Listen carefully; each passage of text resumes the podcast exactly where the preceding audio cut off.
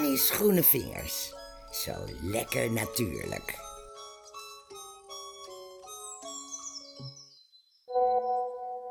Oh, dat is leuk zeg, een appje van mijn vader. Ik heb een paar weken geleden smeerwortelolie gemaakt en hem een flesje gegeven omdat hij last heeft van zijn knie. Even kijken wat hij schrijft. Zeg, wat is dat voor een wonderspul? Heb je daar nog meer van? Want het gaat echt goed. Nou, dat vind ik leuk.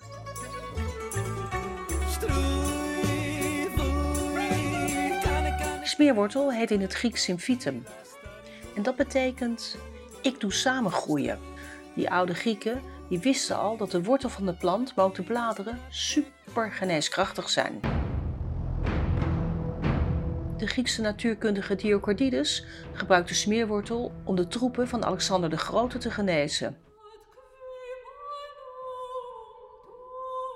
Ja hoor, en ook mijn vriendin Hildegard van Bingen kende de geneeskrachtige werking van de smeerwortel. De Nederlandse naam smeerwortel heeft waarschijnlijk te maken met het feit dat er veel slijmstoffen in zitten. En als je smeerwortelolie gaat maken, dan ziet het er een beetje slijmerig en smerig uit. De gewone smeerwortel is een vaste plant en die komt hier best vaak voor. Alleen niet op grote hoogtes en in de bergen. Die smeerwortel die wordt ongeveer 40 centimeter tot een meter hoog en bloeit van mei tot augustus. Hier zie ik vooral smeerwortel met paarse bloemen, maar ze kunnen ook roze en wit zijn.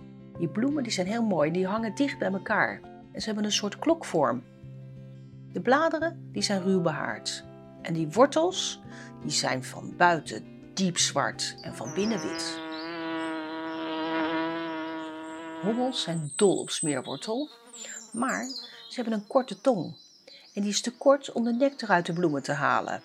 En wat doen ze nou, die slimmerikken? Dan boren ze een gaatje aan de achterkant. Jacques P. Thijssen, de Nederlandse schrijver, onderwijzer en natuurbeschermer, noemde ze inbrekers. Maar andere insecten, die profiteren ook weer van die inbrekers.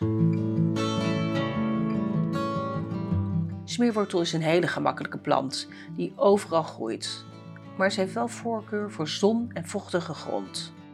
Ze wortelt ruim 2 meter diep en daardoor kan ze in diepere lagen van de grond vocht en heel veel nuttige voedingsstoffen en mineralen opnemen. De grote bladeren houden de groei van andere soorten onkruid tegen.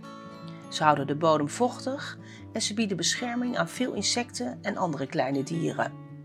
Het blad bevat veel nuttige stoffen, zoals vitamine A en vitamine B12 en eiwitten. En door die vitamine en eiwitten kan het blad gebruikt worden als veevoer.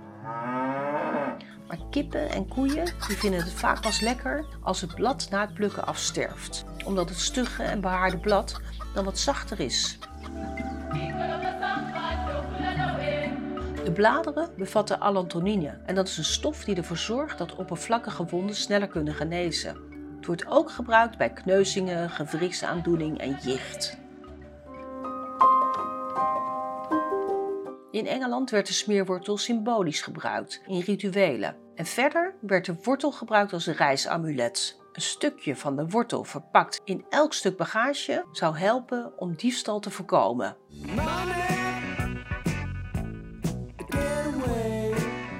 De Engelsen dachten ook dat als je een stukje smeerwortel bij je draagt, dat je dan financiële voordeeltjes krijgt. Nou, dat is wel iets om eens een keertje te gaan proberen.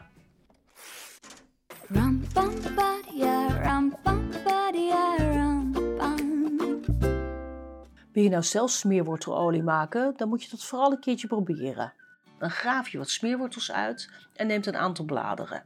De bladeren en de smeerwortel moet je even afspoelen en in kleine stukjes snijden. Dan laat je die smeerwortel twee uur lang au bain-marie in zonnebloemolie garen. Je zeeft de prut weg en je giet het in de schone pot. En smeren maar. Tot de volgende keer.